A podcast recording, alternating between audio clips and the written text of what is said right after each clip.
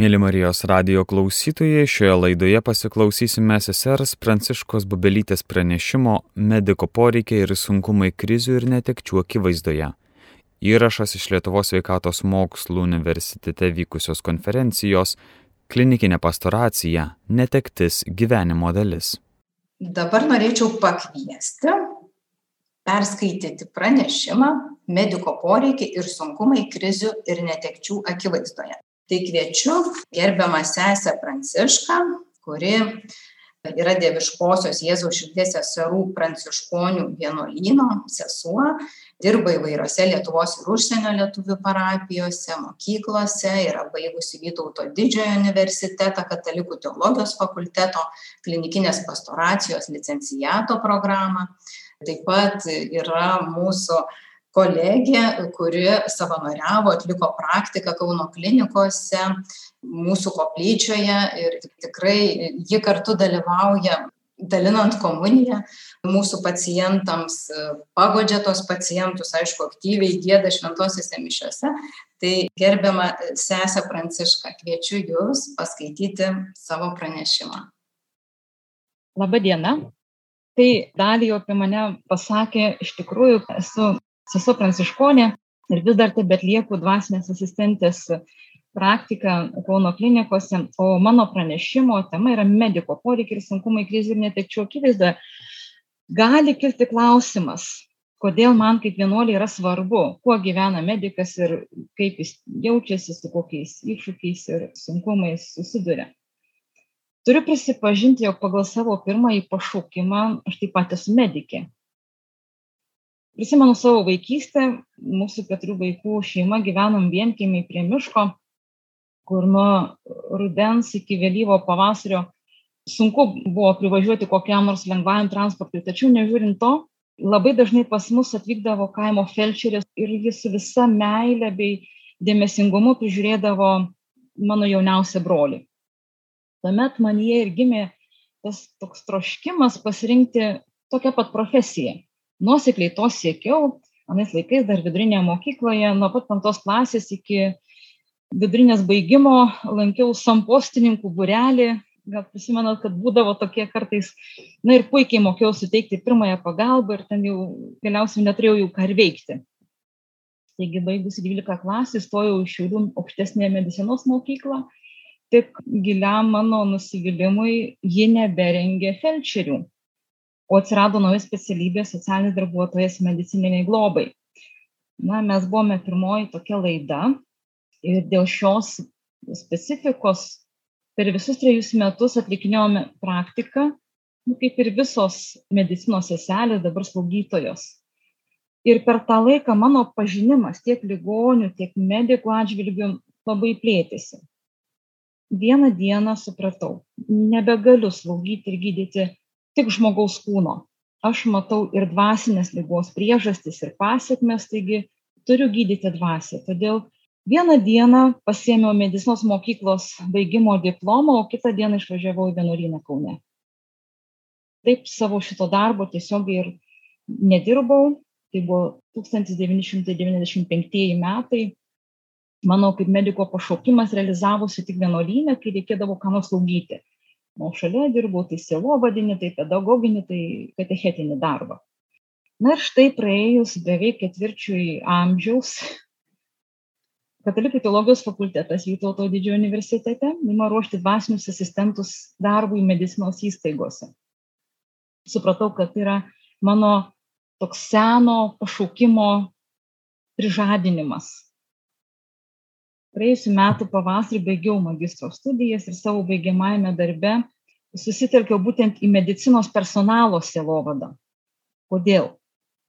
Todėl, kad turbūt dėl savo pirmojo pašaukimo vis dėlto jaučiu tai, ką jaučia medikas savo profesiją, susitikęs lygos užkūptą žmogų. Antra vertus, supratau, kad mediko pašaukimas, jis pats tuo tiki ar netiki, bet vis dėlto visuomet yra nuo Dievo. Visuomet nes tai susijęs su meile. Mūsų Dievas pats yra meilė. Jei neturi meilės, tai ilgai šioje profesijoje tiesiog neištengsi. Taigi medikas yra tam tikra prasme Dievo laidininkas žmogui, bet ir pats reikalingas tos įkrovos, ypač šiandien, kai susidurėme su visuomeniai keliamais didžiuliais lūkesčiais medikui, medicinos visai sistemai. Trečia, vis girdime, kad medikai šiandien nebetlaiko. Asmeniškai pažinau vieną šeimą, vyras buvo traumatologas, vis dažniau ir dažniau namo grįždavo neblaivus, ilgainiui taip įniko į alkoholį, kad ėmė kelti grėsmę šeimai, smurtauti, tad nebeištvėrusi žmona su vaikais jį paliko.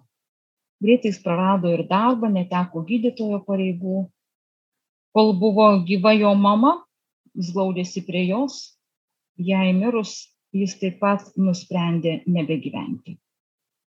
Kiek anksčiau mano apipasakota kaimo felčerė, gydžius ir padėjusi mūsų šeimai, mūsų gausiai šeimai ir taip pat turėjusi keturis savo vaikus, beveik mano bendramžius, su kuriais susitikdavom kaimo diskotekose, kaip vėliau sužinojau iš gyvenimo, pasitraukė irgi savo norų. Mane tai labai sukrėtė. Ilgai svarščiau, kas jai atsitiko ir kodėl. Ar buvo galima to išvengti ir kokią žinią tai paliko jos vaikams, anūkams, artimiesiems. Žinot, kaime žmonės vieni kitus labai gerai pažįsta, tai visada, kai prisimenu šitą įvykį, būna labai nu, kažkaip graudu. Ir mano magistro studijų baigiamojo darbo tema buvo medicinos personalo ir silovadininko bendradarbiavimas klinikinėje pastoracijoje. Savo darbe gilinausi į medicinos personalo silovadą, medikų pašaukimą ir dvasinius poreikius, sunkumus bei jų įveiką. Pavyzdžiui, vienas paramos personalui kapelionas savo straipsnėje of Staff pasakoja, kaip jis atliko tyrimą apie medikų poreikius, bandydamas į visus juos pažiūrėti holistiškai, nes poreikiai gali būti įvairūs. Nuo medžiaginių iki dvasinių. Jis rėmėsi trijų laikotarpių, būtent 1981, 2004 ir pastarojo dešimtmečio tyrinėjimais, bandydamas aiškinti, su kokiais iššūkiais susiduria medicinos personalas ir kokie jų poreikiai iš to kyla gavęs atsakymus į savo sukurtą klausimyną, jis rado, kad nors laikmečiai yra skirtingi, iššūkiai lieka labai panašus. Išvardyjami devini punktai su problemų aprašymais, kurie sukelia personalui daugiausia įtampų. Pirmiausia, tai šalies ekonominė krizė. Tai reiškia, vis daugiau personalo narių susiduria su papildomu stresu, susijusių su finansiniais ir šeimos įsipareigojimais ir visa tai padidina stresą, kurio ir taip esama darbe. Antras yra per didelis pacientų neišgyjamumas. Pacientai atvyksta į ligoninę lygoti. Daugelis su lygomis paskutinėje stadijoje ir todėl personalas mato vis daugiau sunkių mirčių ir mirimo situacijų.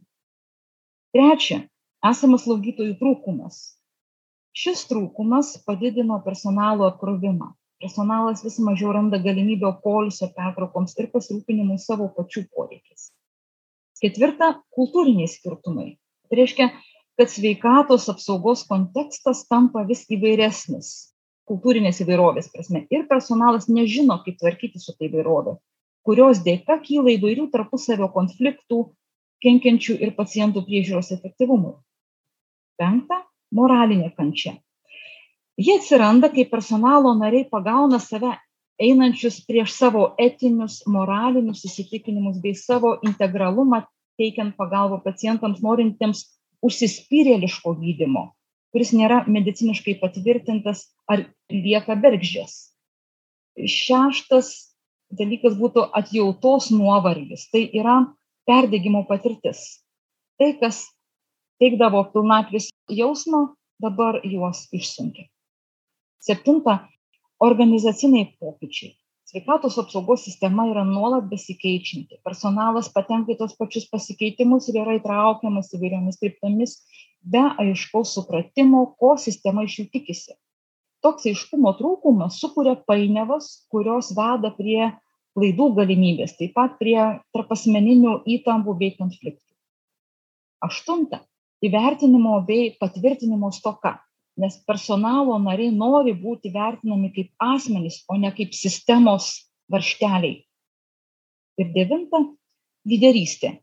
Sveikatos apsaugos sistemos organizacijos veikia labiau pagal hierarchišką modelį, taigi lyderystės stilius neveda į abipusius santykius, personalas jaučiasi nugesintas, o jų nuomonė nieko nereiškia.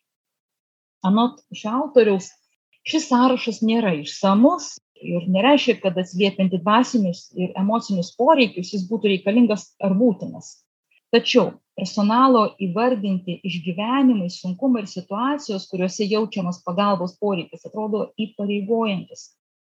Persidirbimas, sielvartas ir netektis, paciento ir šeimos išnaudojimas, trauma, kritiniai įvykiai, sekinantis sielvartas, tarp asmeninis konfliktas, slaugytojo ir paciento santykis, pasišventimo praradimas darbe, bendradarbių palaikymo stoka, komunikacijos problemos tarp pacientų, šeimų ir personalo, pasitikėjimo valdymu ar administravimų stoka, problemos susijusios su kokia nors įvairovė, nepakankamas įvertinimas, streso valdymas, prievarta darbovietėje, moralinė kančia, padidėjęs pacientų neišgyjamumas, tarp asmeniniai konfliktai, parama netekties atveju, darbo trūkumas, sunkios pacientų ir šeimų situacijos, komunikacijos problemos ir reikalai tarp personalo, darbo kompleksiškumas ir intensyvumas,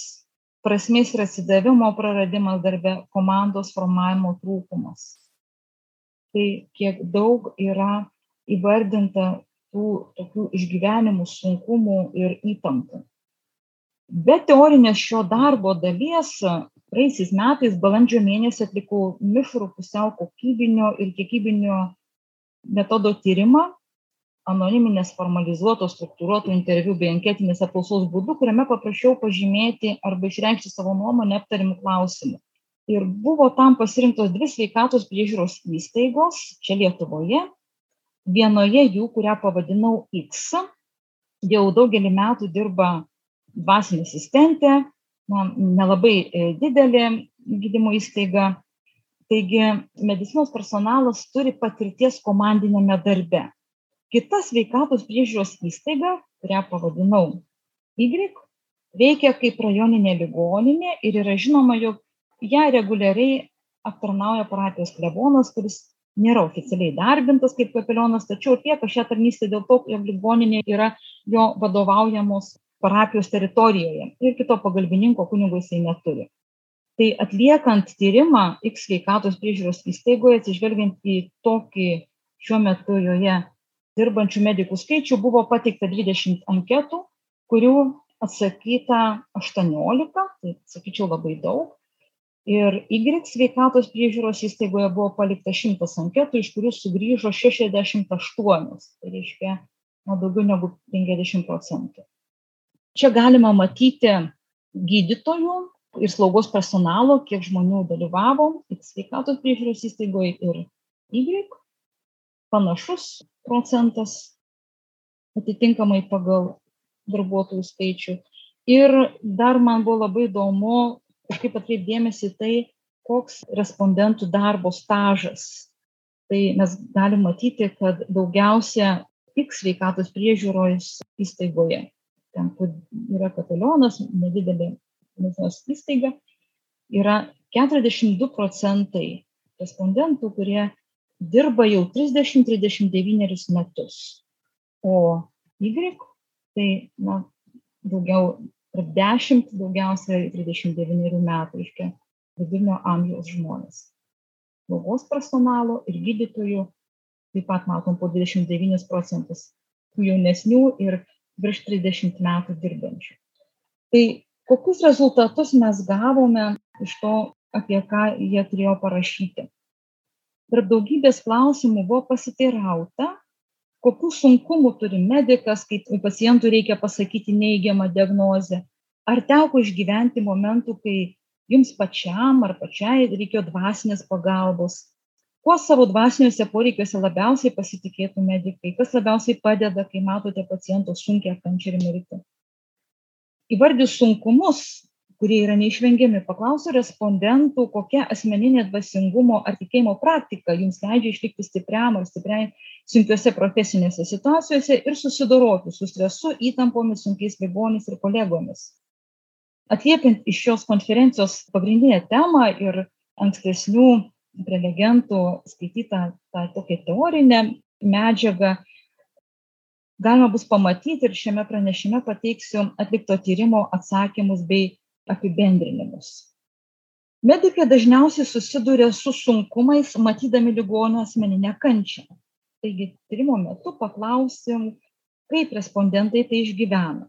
Tarp X sveikatos priežiūros gydytojų ir slaugos personalo dominuoja ieškojimas pacientui pagalbos, kaip matome. Likusieji gydytojai labai užjaučia.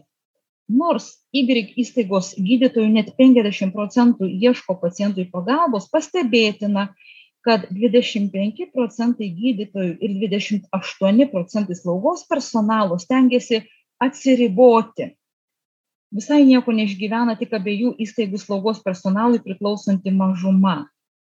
Tai reiškia, kaip matome, visai neišgyvenu arba atsiriboju. Apibendrinant šio klausimo atsakymus, reikėtų atkreipti dėmesį į tą atsiribojimo fenomeną, nes iš jo gali kilti abejingumas ir net cinizmas galėtume daryti prielaidą, kad jeigu medikai žinotų, kaip sustiprinus savo pašaukimą būtų galima padėti dvasinėje srityje ir pacientams, atsiribojimo neliktų, o jį pakeistų natūralų žmogiški tarpusavio pagalbos santykiai, nes iš ankstesnių tyrimo rezultatų, na, kurių čia nepateiksiu, sužinojome, kad paciento pasitikėjimas medikų teikia jam džiaugsmą, malonumą, pakelia savivertę. Tai reiškia, tai yra svarbu. Į medikams užduotą klausimą, ar teko išgyventi momentų, kai jums pačiam ar pačiai reikėjo dvasinės pagalbos, X sveikatos priežiūros įstaigos, visi gydytojai atsakė teigiamai. Prisimename, kokia yra tų gydytojų darbo patirtis, tai jau dirbantis nuo 30 iki net 42 metų vienas iš medikų prisipažino, kad tokios pagalbos reikia dabar. Reiškia, pernai balandžio mėnesį, kai vyko tyrimas, reikėjo tokios pagalbos. Y sveikatos priežiūros įstaigose dauguma gydytojų, 59 procentai, taip pat atsakė teigiamai. Slaugos personalas taip pat dauguma teigiamai, kiti balansavo tarp teigiamo ir neigiamo sakymo. Atkreipiamas dėmesys į faktą, jog nežiūrint to, kad X įstaigoje dirba dvasinis asistentas, medikams, ypač gydytojams, reikėjo ir tebereikia dvasinės pagalbos. Vadinasi, jos dar labiau reikia tokioje sveikatos priežiūros įstaigoje, kurioje tokio silovadininko dar nėra. Taip pat labai svarbu buvo respondentų paklausti, kuo jie savo dvasiniuose poreikiuose labiausiai pasitikėtų tarp pateiktų keleto variantų X sveikatos priežiūros įstaigos gydytojai pirmąją vietą skirtų vis dėlto ne tarp jų dirbančiam dvasiniam asistentui, pasauliečiui ir net ne kapelionui, kunigui, o išsilavinusiam ir kompetenciją dvasinėje srityje turinčiam kolegui. Y sveikatos priežiūros įstaigos gydytojai ir rezidentai labiausiai pasitikėtų kapelionų kunigu, paskui išsilavinimą bei kompetenciją dvasinėje srityje turinčio kolega ir kitą - 28 procentus. Slaugos personalas labiausiai pasitikėtų taip pat kapelionų kunigu. Tas kita X sveikatos priežiūros įstaigos e, gydytojai įvardė šeimos narius, o Y geriausią draugą skaitomą literatūrą ir net Biblijos Dievą, gyvąjį Dievą arba tiesiog nuėjimą į bažnyčią ir pabuvimą pačiam su savimi ir tiesiog pasitikėjimą savim. Tikėtina, jog toks didelis pasitikėjimas kapelionų kunigu greičiausiai kyla iš jo šventimų sakramento galios atleisti nuodėmės ir išlaikyti išpažinties paslaptį pasitikėjimas išsilavinusiu ir kompetenciją dvasinėje srityje turinčiu kolega greičiausiai rodo tikrų empatija gristų santykių poreikį. Na, mes jau čia kalbėjome apie tos santykius, kaip tai yra svarbu. Respondentų buvo paklausta, kas labiausiai padeda jums, kai matote pacientų sunkia kančia ir mirtį. Y sveikatos priežiūros įstaigoje 38 procentai, aš čia pažymėjau, va, mėlyna spalva, slaugos personalo 38 procentai slaugos personalo paminėjo asmeninės maldos praktikavimą. Tai prisimename pirmąjį pranešimą Ainos Adomaitytės kaip na ji išsamei paaiškino, ką reiškia malda netekties ar gedėjimo atveju. X įstaigos slaugos personalą įkvėpia kolegas įtakojantis gyvenimo ir tikėjimo pavyzdys. Y įstaigos gydytojams padeda geranoriškas bendradarbiavimas su dvasininkais ir silovadininkais ir asmeninės maldos praktikavimas, o X įstaigos gydytams asmeninės maldos praktikavimas. Daliai Y įstaigos gydytojų lygiai svarbu yra krikščioniško tikėjimo praktikavimas per sakramentus, ugdymasis autentiško tikėjimo supratime ir tobulėjimas moralės bei bioetikos kursuose. Tuo tarpu tokie teiginiai kaip matymas sergančiajame Kristų, susitapatinimas su evangeliniu gerojo samariečio prototipu ir savęs kaip Dievo pasiuntinio suvokimas susilaukė mažiau nei 10 procentų dėmesio. Tai rodo medikų savęs identiteto trūkumą ir didžiojo pašaukimo nepažinimą, kur sielovadininkas taip pat turėtų įdomios veiklos personalo dvasinėme ugdyme. Toliau pasigilinsime į tai, kas sunkiausia medikams. Taigi atsakymai į klausimą, kokiu sunkumu turi medikas, kai pacientui reikia pasakyti neigiamą diagnozę, atskleidė moralinius, psichologinius, dvasinius ir profesinius sunkumus. Kaip moralinius sunkumus X įstaigos respondentai įvardijo kalties jausmą. Medikui nerimas, kalto be kalties jausmas, įtampa, sako 46 metus dirbanti gydytoja. Jūs galite stebėti, čia ta lentelė yra citatos ir G reiškia gydytojas, o skaičiukas prie jo reiškia, kiek metų respondentas dirba savo darbą. SP reiškia slaugos personalas. Taigi, medikui sunku moraliai, o atsakomybės jausmą įvardijo, kad medikas kartais bijo pasakyti neigiamą diagnozę nes bijo neigiamos paciento reakcijos, kuri gali pabloginti tolimesnį gydimą. Y sveikatos priežiūros įstaigos respondentai pastiprino tokiais atsakymais. Priklausomai nuo žmonių jautrumo, jautresniam geriau nesakyti, sako 15 metų dirbantis gydytojas. Neprognozuojama paciento reakcija. Turi pasiruošti morališkai ir pasirinkti, ko geriau galbūt nesakyti, kas galėtų pakengti viena medikė prisipažino kad taip pat dirbu greitojoje medicinos pagalboje todėl po nesėkmingų gaivinimų tenka pranešti artimiesiems apie paciento mirtį. Tai visada nėra lengva emociškai tačiau tokiose situacijose padeda žinojimas kad tikrai padarėm viską ką galėjom. Sunku pradėti pokalbį turi jau ruoštis iš anksto pateikti problemos sprendimo planą pasiruošti bet kokiai reakcijai ne visuomet ryštiesi pats kalbėti, pradedi nuo pokalbių su artimaisiais, sako 35 metus dirbanti gydytoja. Dažniausiai problemą respondentai įvardina psichologinės ir emocinės jausenas. Sako, susidurima su stresu, ypač kai yra sunki lyga, susidurima su nežinojimu, kokiu būdu išsakyti palaikymą. Kai neigiamos emocijos, emociškai sunku, tą daryti reikia atsargiai. Taip pat tai vargina medikus psichologiškai, nes esi empatiškas pacientui, supranti, kaip jaustumės jo vietoje. Sunku išvysti paciento baimę, nerimą, pyktį, nusivylimą. Tai yra labai sunku. Gal reiktų, kad psichologiškai būtų paruoštas žmogus. Profesinius sunkumus galima matyti dviejopai kaip stiprų įsipareigojimą. Pavyzdžiui, sunkumas yra filosofiškai pateikti informaciją, rašo 46 metus dirbantis gydytojas. Medikas yra profesionalas ir dirba savo darbą, ar sunku ar ne.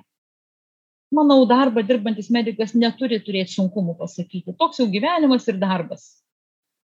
Na, čia galime išvelgti truputį tokio atsiribojimo. Ir kaip kompetencijos trūkumą įvardijo, pavyzdžiui, nemokėjimas pateikti informacijos konkrečiam asmeniui tinkamą formą, sunkumų kalbėti, parinkti tinkamus žodžius, po to būna labai nemalonu. Turi susikaupti apgalvoti kaip tai pasakyti atlaikyti paciento žvilgsnį jaučiu kartėlį. Slaugytoja viena rašo apie tai nutyliu. Bet pora medikų patikino kad jokių sunkumų nėra. Manau neturi jokių jo pareiga jam apie tai pranešti sako slaugos personalė dirbanti pusantrų metų medikė jei tai nėra artimas žmogus ar giminė gali būti kad didelių sunkumų neiškyla pasakyti reikia taktiškai, asmeniškai.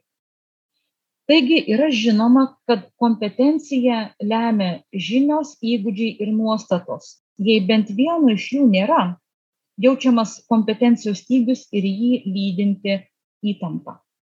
Įvardijus sunkumus, kurie yra neišvengiami, paklausėme respondentų, kokia asmeninė dvasingumo ar tikėjimo praktika jums leidžia išlikti stipriam ar stipriai sunkiose profesinėse situacijose ir ar susidoroti su stresu, įtampomis, sunkiais ligoniais ar kolegomis.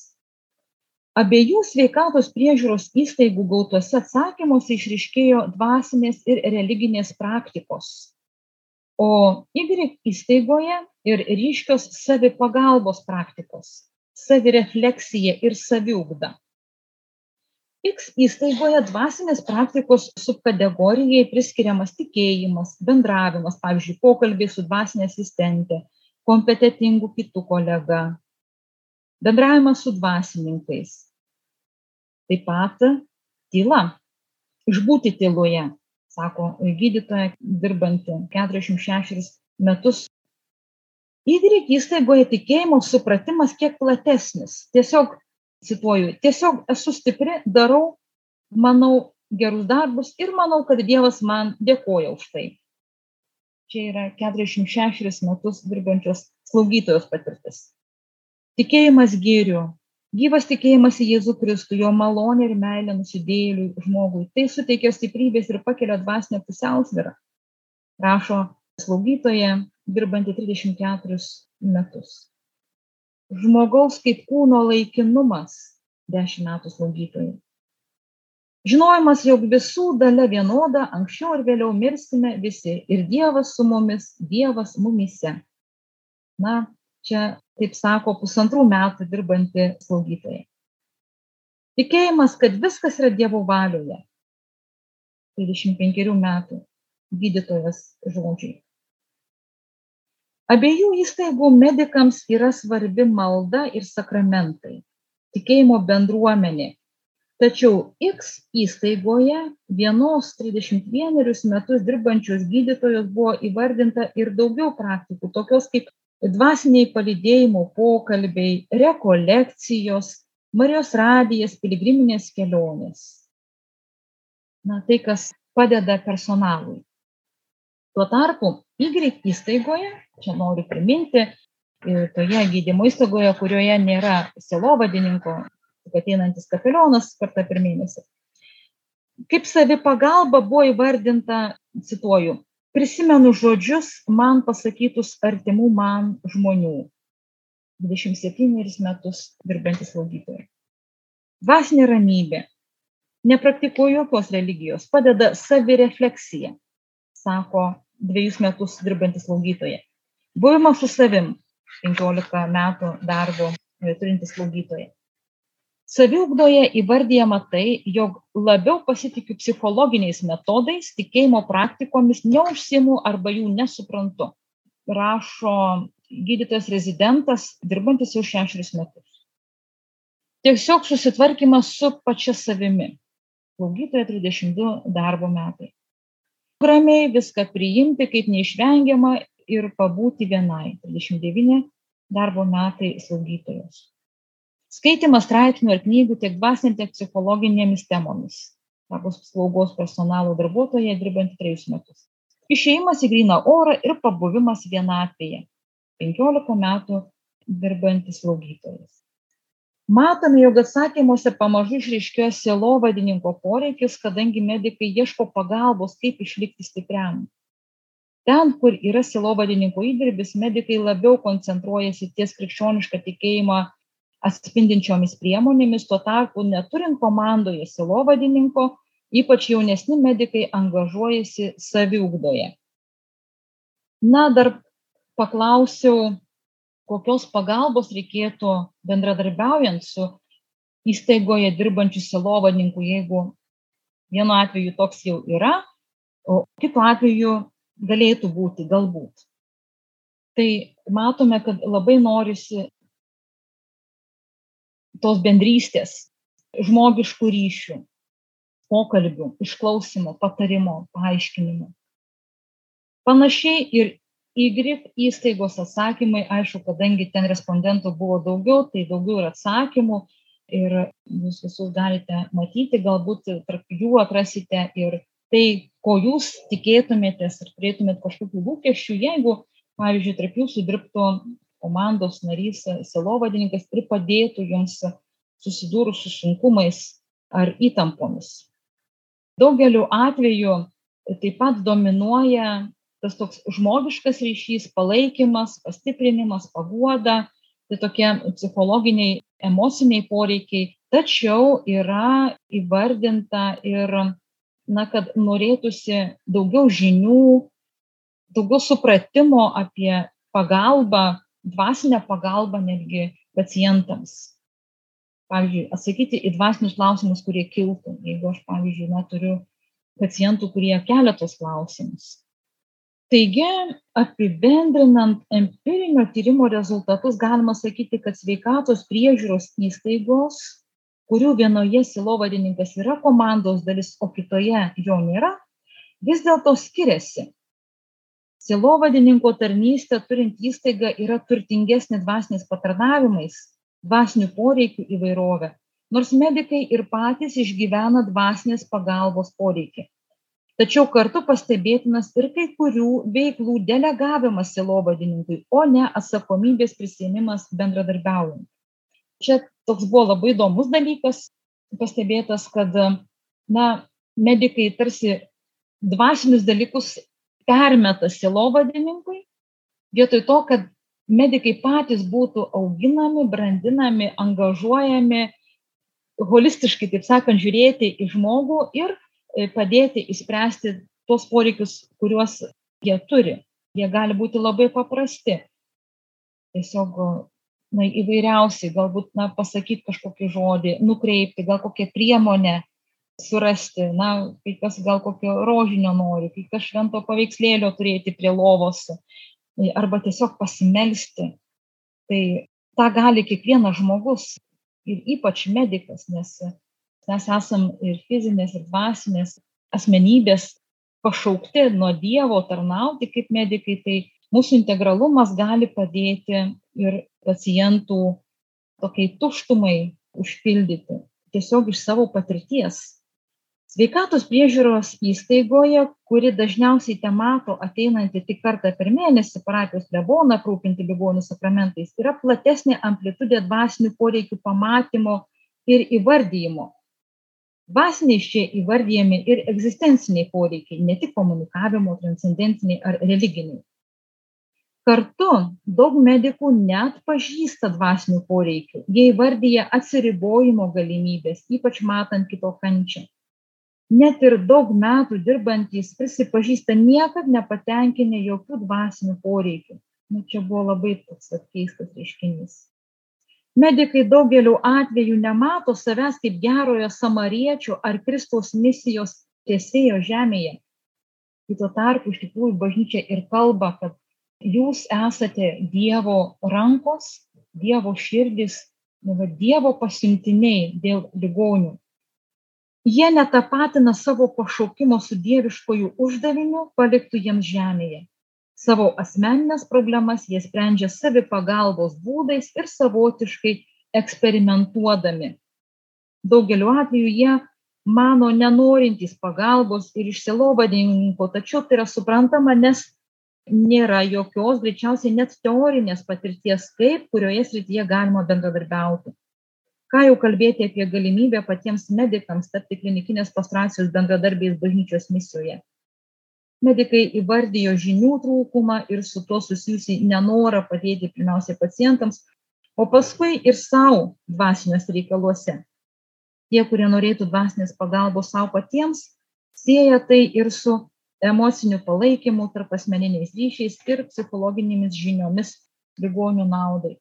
Geriausias pavyzdys, kurį aš, na, tokia teorinė prasme turėjau iš to savo darbo, tai buvo tai, ką skaičiau, jog pasaulinėje praktikoje, ligoninėse yra specialūs medicinos personalo kapelionai. Kapelionas skirtas tik medicinos personalui. Tai žinoma, kad šalia tokio žmogaus medikai jaučiasi daug stipresni, tvirtesni, jie yra patys ugdomi, yra padedama įspręsti jų problemas, jų sunkumus ir na, tokiu būdu tikrai galima tikėtis, jog medikų išgyvenimai būna daug ramesni, ypač susidūrus su sunkumais ir, ir visokiais iššūkiais. Ir tarp kitko teko studijuojant skaityti prisiminimus ir na, tokius kaip jau pamokymus būtent tokio kapeliono, kuris dirba tiesiogiai su medikais. Tai labai tikiuosi, kad Lietuvoj, na, nežinau ar po penkerių metų, bet gal bent jau po dvidešimties tikrai turėsim tokius kapelionus, nes kai bus stiprus medikai, tai jie daug daugiau padės ir savo pacientams, bus stipresni ir pacientai. O kol kas pasitenkinam tuo, kas yra.